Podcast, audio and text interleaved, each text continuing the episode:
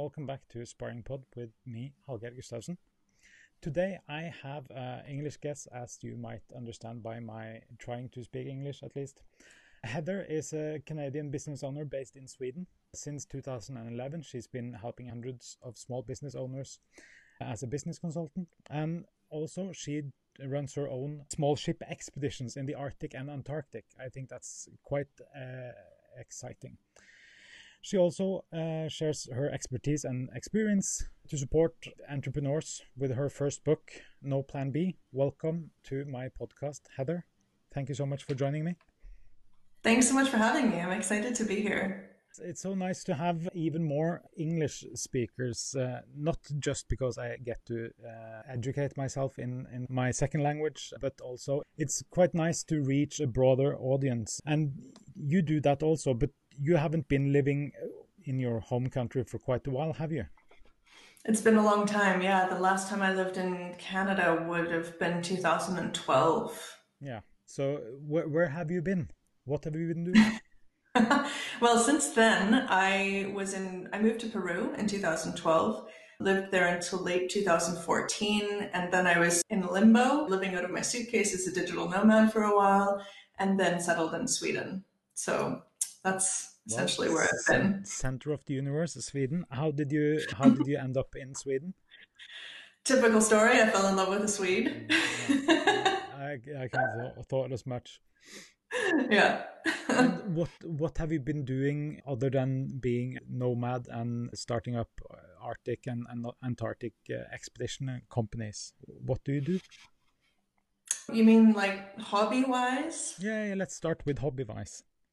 Yeah, good question. When the season is right, I'm a huge forager, so you can usually find me in the forest. I really love nature. I really love traveling, so I travel as often as I can. Obviously, not during COVID times, but traveling is a big thing, and um, reading and writing, which is why I ended up with a book. yes. How long did you spend before actually thinking to yourself, I should write this down? The seed was planted for the book around 2015, I would mm-hmm. say, for this particular book. Prior to that, I had people tell me many times, you have to write a mm-hmm. book, you have to write a book. And, and I'm sure a lot of listeners have heard similar feedback, people telling them, you should write a book. It's easy for other people to say when they think that you're interesting or what you say is interesting or that your life is interesting. But for you to actually get the concept and say, okay, here's the thing I'm going to write the book around, that was the hard bit. So the seed for this particular book, which is for entrepreneurs, was planted around 2015, but I didn't actually start writing it until that seed got much clearer, which was around 2018. And then it was a two year process of writing a draft and then rewriting the entire thing, editing and publishing it in October. Yeah, is it self-published or? Uh, so yeah, it is self-published. Self-published, mm -hmm. uh, and it's uh, available on Amazon available on Amazon, Book Depository, most major retailers. Yeah. What would you say is the the main takeaway for no plan B? I've I've looked on the, what's it called, the Vaskelapp we call it in Norway. Uh, the, oh, the little description of yeah, the book. Yeah. Yeah. What would you say is the the who's it for and who's it not for?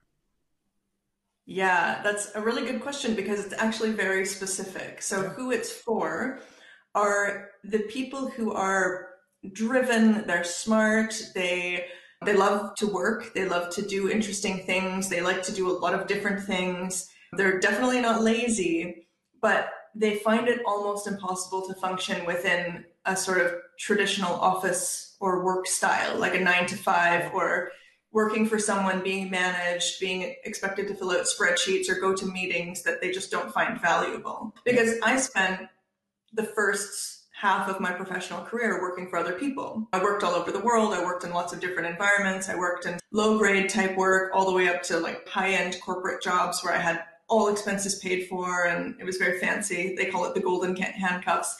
And there was nothing of any of that experience in any exciting part of the world that made it better for me. It just mm. always sucked. And then I was like, oh, it's because I don't fit into this model of work. It's not for me. So that's who I'm speaking to. I'm speaking to these people who are interesting, excited, driven, they love to work, but they just want to be able to work autonomously on their own terms. They want to be able to bring their own ideas to life and not have to ask for permission, especially people who hate doing work for work's sake. And I keep going back to the idea of filling out a spreadsheet that nobody will ever read. yeah, yeah, I, you know? I, I, like that uh, image because it's uh, it's like those people that write out the the reports they are tasked with, but nobody checks up on the reports and nobody yeah. actually has use for the reports. I actually I went to I got a new client a couple of months ago, and I'm going to help him with marketing. And he asked, could could I get the report every month, just what's working with the advertising? And mm-hmm. I said, yes, of course you can. What do you want to, to say in the report? Mm-hmm. And he was like, I don't know. I got the report from my last marketing provider. Could you make a report similar to that? And I said, Yes, mm-hmm. of course. Which of the numbers do you actually have a relationship to? Yeah. I don't know. He actually never read the report. Yeah. He just felt a certainty or, or a value in getting the reports every month so that he would know that somebody was doing something.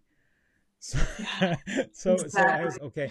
Maybe if I just make a report and I can explain to you why those numbers are valuable to you, could that be interesting? Yes, you can do that. but, but if I didn't ask myself those questions, I would most likely just be making a report that he got in his inbox and then uh, archive the email.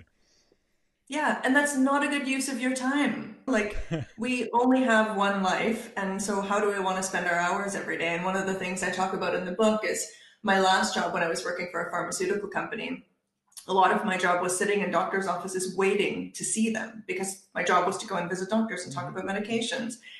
And every day I would probably spend somewhere between three or four hours sitting in doctors' offices waiting to see them. And I'm not kidding you, it actually felt crushing. There were times where I would be sitting there and almost feel like I was going to cry because I kept saying to myself, there was this dialogue running through my head saying, You're not going to get these hours back. You're not going to get these hours back. That's my life disappearing before my eyes. For yeah. what? You know? You should have gotten another job that you could do in between while you uh, waited to do your other job. So I should have. Yeah so what did you do in that job? You talked to doctors about health about medications. Yeah, I was a, I was a pharmaceutical representative, and unfortunately, this was like in the 2000s, so it was pre-smartphone. I still have a flip phone that you could only send text messages on. You couldn't get on the internet or anything. So I was really limited in what I could have done in my downtime, unfortunately. But yeah, that was, I took that job for specific reasons. And once those reasons were fulfilled, I left and I never looked back. but okay, how do you jump into being a consultant uh, or coach? How do you do that? And not, and why do you do that? Very valid questions. I didn't know when I left the corporate world what I was going to do. I had no idea. So I I got packaged off from that company because they were downsizing and I was like, "Perfect, I'm out of here." Yeah. And then because I had a little bit of a cash cushion, I thought I can't move forward until I have more insight into what makes sense for me. And I don't ever want to go back and work for anyone else, but up to that point, I was 32 then, and I was, a, as they say, a jack of all trades, master of none. Yeah. So I didn't have a specific skill set. And when you're thinking about entrepreneurship or self employment and you don't have a specific sellable skill set, what do you do? Like, that's kind of tough. Yeah. I thought about it a lot. I took a bunch of courses. I started doing crafty things because I had ignored that part of my life for so many years. And I opened a couple of Etsy shops to just start to do the like maker, like how do you run a business and sell products and like learning a little bit about marketing on a really low risk level. Yeah. Then I learned about the concept of life coaching, which I had never heard about before. And my first reaction, because I'm really not into woo woo stuff, was, oh my God, life coaching? Are you kidding me? But then I thought, actually, getting trained as a life coach, it's people skills at the end of the day. It's people facilitation skills. It's helping people figure out what's best for them based on their own truth. So I decided to enroll in a life coaching program so that I would have a skill, a marketable skill under my belt. And that's what I did. I got certified at a year long, really intensive, very expensive program, graduated from that. And while I was in that program, I already threw up. I learned some basic web design skills because being an incurable entrepreneur, I learn a lot of skills really fast. you, you, should. Uh, that's one thing you should do also. So I totally agree. Yeah, yeah multiple skills. So yeah. I learned how to do some basic web design. I put up a website for myself. I started marketing myself as a life coach. And I just said, I'm not a certified coach yet, but I have reduced rates and I'm happy to take on anybody. Yeah. So it started with that. And then the life coaching, I carried on with that. But then I moved to Peru and I was continuing to life coach people via Skype. And my life coaching like group that I had graduated with back in Toronto where I had been living, they were like, "What? How can you do life coaching in Peru? Do you do it in Spanish?" I speak Spanish, but anyways, and I was like, "No, it's called the internet. You market yourself on the internet." And still this was 2011. So it was still you know, one of it was still that time where people didn't fully understand how you could do things via the internet. And so all of my fellow life coaching grads were just life coaching people in person. And here I was off in Peru, life coaching people by Skype, and it mm. blew their minds. So I started teaching people about online marketing and da, da, da, and it just slowly, actually, it wasn't slow, it was quite quickly, it rolled into business coaching. And then I started running international retreats. I started bringing entrepreneurs down to Peru. I did an international entrepreneurial retreat in Iceland and just gathered people together and talked about how do we build our businesses? How do we build businesses online? And, and yeah. I, I, have a question about those uh, international resorts, get togethers, because I've seen a couple of them and I get the distinct feeling uh, that I'm not saying all, let's say some of them are just quite expensive sales meetings that you pay yeah. to go to. Would that be totally off mark? I wouldn't say it's totally off mark. It depends on who's selling it. Oh, a course. lot of the people that you see are doing that 100%. Yeah. It's a yeah, it's a way to get a captive audience in and sell to them. Yeah. I hate that stuff. So yeah, that's not would, me at all. Would I would think so or else we wouldn't uh, I, I wouldn't find you I don't think I would find you interesting enough to talk to if you if if I took you for being one of those people. I have to value my own opinions highly enough that I'm sure you're not one of those. But that's the vibe I get from the yeah, come to uh, Thailand, uh, spend 14 days with us and learn marketing and go home with a fifty thousand uh, dollar uh, bill for something else. yeah. yeah yeah. So here's the thing I'm not a very good salesperson. I'm the kind of person that creates things that you're interested in yeah. and invites you in if you're interested. And if you're not, I'm not going to try to convince. And also, I was still pretty new to entrepreneurship. So I wasn't, not that I would now necessarily, but I wasn't trying to upsell anyone. My motivation with those was always they were called adventure reboot retreats and the reason that mm-hmm. i did them in peru partially because i lived there and yeah. also iceland is because I wanted people to get outside of their comfort zone. I wanted fairly new entrepreneurs. The price point wasn't high.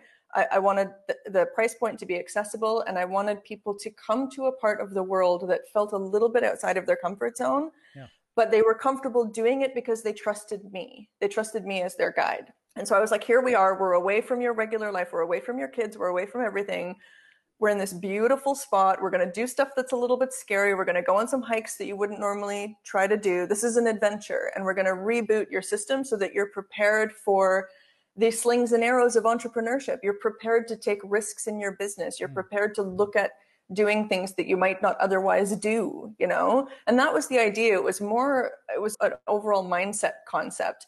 And at the end, um, rather than upselling people, my motive was to deepen the relationships with those people. I wanted mm-hmm. those people to go away and feel like this is someone I want to continue connecting with. This is someone I would recommend people learn from, that kind of thing. So yeah. that sounds like a, a smart way of going about it. But yeah. if we go to the space time continuum part mm-hmm. of my show, which is the past, the now, then the future, mm-hmm. if you go 25 years back, mm-hmm. what would you tell Heather 25 years ago? What would I tell Heather 25 years ago? I would tell Heather I would tell Heather to just keep listening to her gut because all the things that she thinks she wants for herself, she can get. what things about 2020, Heather, do you think 25 years ago Heather would be most impressed with? Probably that I ha have a book and that I run a polar expedition company. Even Heather from 2015 would, would be like, "What?" yeah. Okay. Before we go further into the past or the future, how did that come about? How? Why? Part of my issue this incurable entrepreneur concept that I keep referring to that my book is centered mm-hmm. around is that I'm not really good at doing one thing. And so when I see opportunities, I want to take them, especially when I see really good ones. So I met my husband in 2013 in Antarctica. He was a polar expedition guide, as was I actually pressed pause on my own business. This is a different side story, but I mm-hmm. pressed pause on my life coaching business and I just did this little short two month stint on a ship in Antarctica because of someone that I knew. I know a lot of people have lived around the world a lot. So it was like an accidental, fortuitous meeting that I met my husband or the guy that would become my husband. And he has a twin brother. And so they're both these big, Viking looking Swedish twins, exactly as you would expect, big red beards, tall, strapping. And everybody knows in the industry, in the in the Antarctic expedition industry, everybody knows them because they're a walking, talking sales force And being down there with him, I noticed that the, the guests on these ships were always saying, Oh, do you also go up to the Arctic? And of course, yes, that's the case. Usually polar guides work in the Antarctic in one season, and then the alternate season they go to the mm-hmm. Arctic. And so I was seeing that there was like literally almost at every meal that we had with guests, the guests were asking about trips in the other end. And, and when we were in the Arctic, it was the opposite. They're like, oh, do you guys go to the Antarctic? Can we book a trip that you guys will be working on? and so my business brain was like, why don't we have a company? We should have a travel agency and book these people. Why are we sending them to someone else to make those commissions? Hmm. That's crazy. so we opened up an agency in 2015. My husband and his brother are not business people. And so they were just like, all right, if you think it's a good idea, we won't stop you. And then by 2017, some friends of ours had bought small ships, 12 passenger vessels, which was secretly our dream all along. We, we imagined later in the future that we'd have enough money to hire those types of ships. But they bought these ships in 2017 and they said, Do you guys want to try running a couple of trips? And typical me, I was like, Yeah, why not? Let's do it. So then we started operating our own trips, which is really fantastic. And COVID aside, the growth has been really consistent and it's been really exciting to build that brand.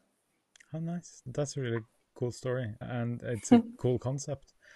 Is there anything is there anything with you right now that you think 25 years ago you would be embarrassed about yourself? Oh. Gosh, that's a really good question. I would be embarrassed about myself. I can't think of anything. The only thing I think that might surprise me 25 years ago, because how old was I then? 17.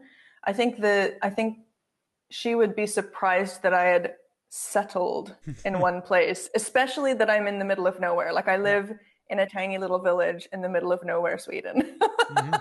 So like, I, I, think that would surprise me. In the me. middle of nowhere, it's like on the outskirts in the middle of nowhere. yeah. Yeah. Yeah. So That's I think basically uh, the, the Swedish uh, version of where I'm from in Norway. So I, I, I get it. Yeah, and I'm not embarrassed by it, but I think me back then would be like, "What? no, that's not where you're going to end up, and that's not where you're going to be ridiculously happy." But here we are. Mm. What things do you hope that you'll be able to carry with you into the future? I hope that I'm able to carry with me um, my capacity for managing uncertainty. Mm-hmm. I think it makes me nervous getting older that I'm going to get more conservative or more worried about uncertainty and want more security. I hope that I'm always able to really hold that and know that at the end of the day, I always end up just fine. I always end up on my own two feet. Nice. Do you think that, like in the future, that uh, you are going to do things differently, or that do you think that you'll continue on the the path of just doing trying out new things all the time. Do you think so? I think I'll always value novelty. I think I will want to try out new things, but not necessarily new companies. I don't know that I'm going to keep on opening different things, but I look at Twin Tracks Expeditions, our expedition company, and I look at how I want it to grow and then yeah. where I want my role to be in the context of that growth. And I want that to be something that doesn't get old for me. I want that to be new and refreshing. And I want to be in a sort of obviously a leadership role because I own the company. But yeah, like I don't want that to get old. And I'm definitely, there's some other things that I have on the back burner as well but I'm very aware as I get older and also as I mature as an entrepreneur, now having done this for a good 10 years, yeah. that the thing that I did earlier on that I don't want to do now and I want to do even less in the future is spread myself too thin.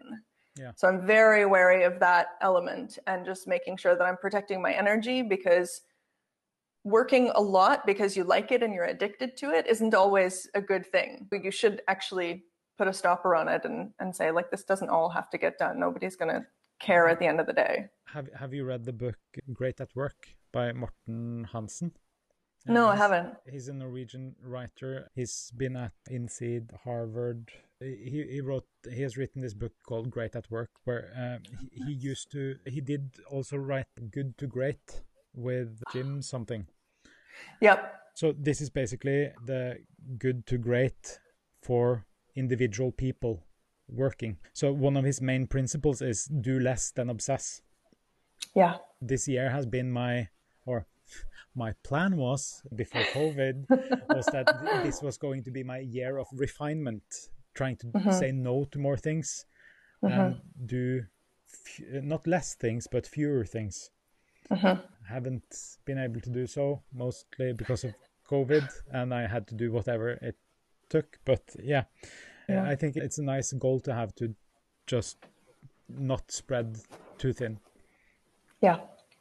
If we go to ideas, I read from people that have worked with you that you're very good at coming up with ideas. Is that just something you do naturally, or do you have a process of coming up with ideas? I don't have a process. I wish I did because it would be easier for other people to to also do. I don't have a process. I don't know if it came naturally or if it's just a product of my life. I do remember being very young and looking at like people slightly older than me, like people in their late teens and 20s, and they would talk about their lives in this way. Oh, this is all that I can do. This is all I'm just going to be of this. And I was like, what are you talking about? You could do so many things. You could go back to school and you could do this and this. And uh, based on what I perceive to be their personal, like their personality and their mm. strengths, like their soft skills. And I, I always thought, like, why does everybody think about themselves in such a limited way? So I do remember having that kind of thought process from a very young age. But then as I went through life, I moved away from Canada for the first time when I was 14. And then between 14 and now at 42, I've lived long term in seven different countries all over the world I've had lots of experiences. I've met lots of people. I speak different languages. And I think that experience has fed itself into this sort of a superpower whereby when I sit down and I speak with a client and they're like, here's what I'm thinking or here's what I've been doing in my business, I just immediately start going, yeah, but you could do this and you could do this and you could do this and you could do this mm. because it's because I've seen a lot. And also, I've worked with so many people over the years that I've seen different ways of doing things or different approaches or different ideas. And that's all stuck up in here like an encyclopedia. Mm-hmm. So then I could just get to pull it out and throw it at them and say, what do you think about this? And then we refine that down into what actually makes the most sense for their business and their personality type and their ability to like how many hours in the day can they work? Not everybody has full work hours because they have other things going on, all that kind of thing. What would you say is the best idea you ever had? I have no idea. that's, that's an almost impossible question. I, for someone else, I have no idea. But the best idea that I've ever had for myself mm-hmm. was probably, even though I just published it, I think the best idea was to write my book. That feels the most taking a body of work, taking a, a, grouping of valuable ideas and putting it out into the world so that it's going to be there for anybody and everybody is such a powerful thing. And the fact that I've gotten emails from people that I've never met on the other side of the world and pictures on social media of like people holding my book and saying, "Oh, this helped me so much." I'm like, that's that's magic. Yeah. Like that's magic. They can find me on Amazon without any previous connection to who I am and read these concepts and be helped. And so I think that makes it the best idea that I ever had. Cool. Going totally in the opposite direction. What's the worst idea you ever had then? In business? Uh, let's do one in business, one in life.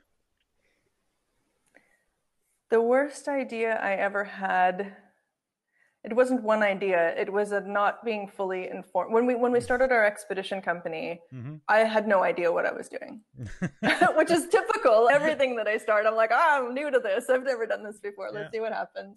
And i think not doing taking on that kind of risk with hiring small ships and not doing my due diligence was a real lesson. So that was my biggest sort of error. I think my biggest my worst judgment in life is staying in relationships, whether romantic or friendships or family, mm-hmm. staying in them too long just because. Just because. just because. yeah, yeah. Like yeah. just staying in them too long and having those relationships become like a huge burden on me. And now I used to be much more like that. And now I'm like, I protect these energetic boundaries big time. I, I remember I was in a relationship when I was 19. We had been together for 11 months. It was my longest relationship ever. and it was going quickly downhill. And we both were like, hey, this is not going that great. Maybe we should get kids. That's something that brings people together, isn't it? and I'm so happy we didn't. But uh, yeah, I certainly I didn't do it. But uh, we seriously talked about it and um, yeah. seriously happy that we didn't do it but uh, yeah. 19 year old brains are very soft. So soft brained uh, but uh, what's the worst idea do you talk about these things? Is is there a bad client idea you have heard that you're like hey man you, you can't do that. Sorry. That's not that's that Please no. There's nothing really dramatic. Sometimes people come to me and they want to, they've read or they've learned somewhere about these really aggressive kind of, as I call dude bro marketing strategies. dude bros, like yeah. treating people like a cash pinata and i'm yeah. just like oh no that's not happening i can't work with you but that's quite common i think because that's mm-hmm. what's peddled on the internet a lot i would say though the worst ideas that I have are the ideas that are completely unrefined. So they're completely not vetted. They're not something that anybody would want. But the person will come to me and say, I have this amazing idea. I'm in the process of creating this course around this idea. And I think I actually used this example in my book. Someone came to me and said, I can't remember the exact name, but she said, it was a create your dream life course.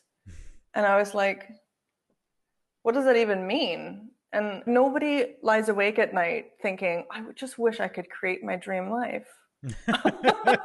it's way too nebulous. Like it's oh. way too out there. It doesn't, there's, so there isn't one bad idea, but there's lots of little bad ideas around what people create that they think, oh, this will be the most magical thing and everyone will want to buy it. And then nobody wants to buy it yeah. because it's like a big gray area. What does that mean? And I think that's one of the biggest challenges that entrepreneurs have is how do you, especially in the like online lifestyle entrepreneur scene, there's a lot of wishy-washy and I can't stand wishy-washy. And I'm not I'm not judging people for it. I'm just oh, saying if you come to me with wishy-washy, we are going to we are going to make it specific yeah. and it you might not like what I have to say, but I am not going to mess around. You either create something you can sell or go find another coach who you can pay money to and this will never go anywhere. Yeah. Yeah i really judge wishy-washy or uh, uh, uh, ma magical people people that oh, yeah. want to sell you magical solutions to problems you didn't even know you had. I really yeah. judge that. But what you talked about there it sounds to me like raw ideas. They're not refined in any way. They are not it's like you have a, a dough. You need to do something with you need to knead out like yeah the, the lumps, you did need yeah. to maybe use a rolling pin and get it all flattened nice. Mm-hmm. Put on some pizza sauce, uh, some cheese, put mm-hmm. it in the mm-hmm. oven, and then my, maybe it's a good idea. But you do the the raw ideas they they need to be uh, prepared Yep. What kind of things inspire you in everyday life? Oh, I think anything that is simple, which sounds like a funny answer, but I really value simplicity. I think just the simplest things, like I said earlier, I love to go out to the forest. I love being with my dog. I love, like my dog's a puppy. I love the simplicity of seeing her joy in finding a puddle or seeing like little droplets on leaves and stuff. Those kinds of things I find not inspiring in that they give me business ideas, but in they like the simplicity really helps center me. And mm-hmm. also, I find that simplicity in business is something that I'm going more and more towards. I just want to keep things simple, lean to the point, because I think as anything that I create that's simple will be good for me from a time and mental health perspective, but it's also good for the end user, right? Yeah. If we bring things to people and say, look, this doesn't have to be complicated, here's how simple it actually is. That's a breath of fresh air, right? And and there's so much going on in the world. There's so much crap on the internet. Let's just bring it down and say what needs to be done. What's the shortest line from A to B? Let's make it happen. Hmm. What kind of puppy do you have? Portuguese water dog. Oh, they're so nice. Uh, I, I have a 13 week uh, uh, 13 week uh, whippet.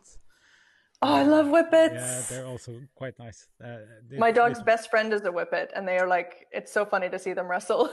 this twig dog and then this little bear. yeah, my uh, my uh, Lucy, she's got a neighboring friend uh, which is a Staffordshire Bull Terrier. Oh no way! So it's like this small lump of muscles. Yeah, it's quite fun to see. That's awesome. But what qualities in others inspire you? What qualities in others i think i'm really inspired by people who have vision. Like I, and i don't mean like elon musk level vision although that's pretty cool mm-hmm. but just people who i consider my peers who see something they get the idea for something and then they're able to just bring that vision to life in a really straightforward way. And it probably isn't because i don't always see what's behind the scenes but i feel like there are people in my spheres that just they're very good at taking a vision that they have, digging in and bringing that vision to life. And I love that. And I constantly want to learn from those people so that I mm. can evolve into that. Because to me, the process of being an entrepreneur is absolutely an evolution. Just because I'm not like that now doesn't mean that I'm not going to be like that in five years, because that's what I'm aiming for. So I really, I'm really inspired and I really admire people with that kind of vision. What do you think that you do that inspires others?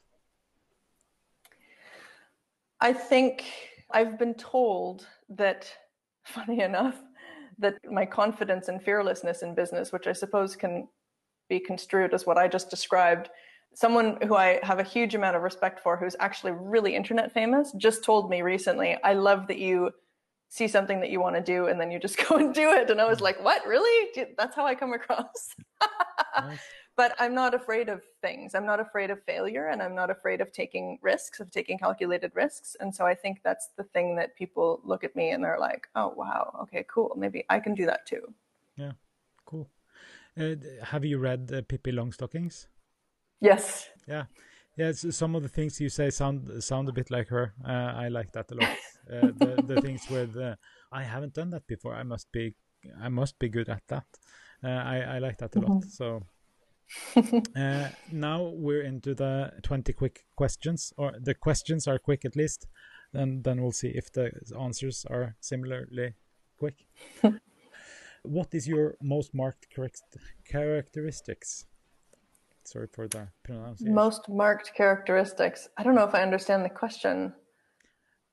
If someone, for instance, your husband would uh, characterize you, uh, what's the first thing he would say?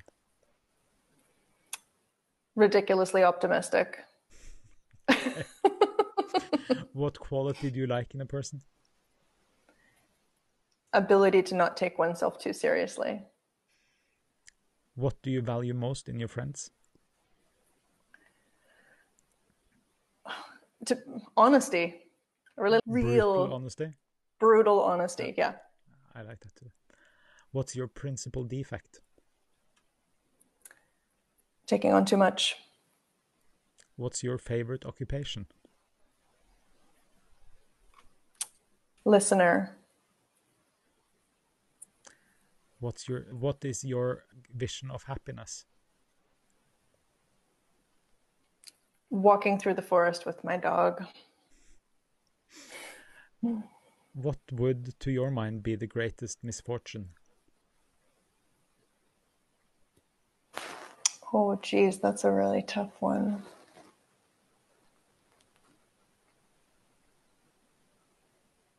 The greatest misfortune, I think, would be to feel like you've led a life unlived. Nice. How would you like to be remembered? I told my husband recently, actually, that if I were to just suddenly die at 42, I said, promise me that at whatever funeral or party you have afterwards, that you tell them that I have no unlived life in me. I've done everything I've ever wanted and then some, and everything now is the cherry on top. Love it. I actually I told my wife we were in a funeral to a friend of mine, and she was we talked a lot about death and stuff like that. And she how would you like to be rem- remembered? And without missing a beat i said like a good king and a great conqueror. So i don't know nice. what that says about me but but i like the uh, no life unlived uh, like that too. Mm. in what country would you like to live? I feel more now than ever that it's important to live in the present. And I really love living in Sweden. So I want to continue living here for the foreseeable future. What's your favorite color? Teal. Who is your favorite writer? Seth Godin. Oh, yeah. Who are your favorite fictional heroes? Oh, my favorite fictional heroes. Jeez. Oh gosh. I'm drawing a blank. Are you a Marvel, DC? You don't like superheroes, Star it's Wars? Not, no, it's not so much the superheroes. I'm more of the fictional characters I love, and I can't even think that there's one or two. It's the quirky, weird, unexpected heroes, like the people in Wes Anderson films. Yeah. Do you know Wes Anderson? Yeah, we just actually watched one of those last night. I my fictional heroes are always the unlikely weirdos. unlikely weirdos. I like that. uh, who is your favorite musician? The singer of Tool, Maynard Keenan. I love Tool. What do you think about their last album? It's totally typical of Tool, and I love it for all that it is. they keep surprising me. yeah. Who is your favorite artist? That can be anything music, art, anything. Oh man, there's so many. Who's my favorite? I don't really have a favorite to be honest. I'll say that one of the people who's moved me more than anyone in my life is Björk, the singer from mm-hmm. Iceland. Yeah. As an overall artist, as a singer, as a lyricist, as a visual artist, as a conceptual artist, I think she probably wins because she's just, I can't even imagine how her brain works. Maybe tied with Thom Yorke from Radiohead as well. okay. Who are your heroes in real life? My heroes in real life are my best friend, Leela, in South Africa. She's an incredible person who does incredible things like teaches yoga to prisoners to help them rehabilitate and manage their energy once they get back out of prison and back into society. She's pretty incredible. And as cheesy as it sounds, I see, I think one of my heroes is also my mother in law because she's just, she's tough as nails. I have so much respect for her. Cool. What do you most dislike? I dislike insincerity and I dislike people who are really just interested in hearing their own voice. I like to think of them as navel gazers. They hmm. just like to be totally introspective and it's all me. Drives me nuts. Okay, the, this next question try not to think about Hitler. What historical figures do you most despise? Geez, these are tough ones. What historical figures do I most despise? does Trump count? He's history, He's- right? yeah, he's luckily his history, and uh, yeah, he absolutely counts. And uh, Yeah. yeah. yeah, What- he's probably the main one. What natural gift would you most like to possess? Oh, I would love the natural gift of I, I can't think of the word for it, but when you're able to take really complex thoughts Mhm. and just distill them down into something really simple, like that gift of kind of being able to speak the way Seth Godin writes. Because mm. I am a real chatty Cathy, and obviously, and I'm sure half the time when people ask me a question, they're like, Heather, you could have answered that in five words, not five paragraphs. And I wish that I had that ability to just synthesize information and bring it out in a really concise way. Yeah. Yeah. How would you like to die? Undramatically. What vice do you have that you most like to like to give into? Eating delicious bread. Okay. Thank you so much. It has been a blast having you on. Thank you so much for for joining me. If you have anything to say to our current or post viewers, feel free. Thank you also for having me on. This has been really fun, and your questions were super hard, but also really interesting. I really enjoyed that part. Thank To anyone who's listening, if anything that I've said has resonated with you, obviously feel free to check out my book. And in fact, you don't have to buy it and invest the money right away. You can just go to my website, heatherthorkelson.com, and opt in and get the first chapter for free.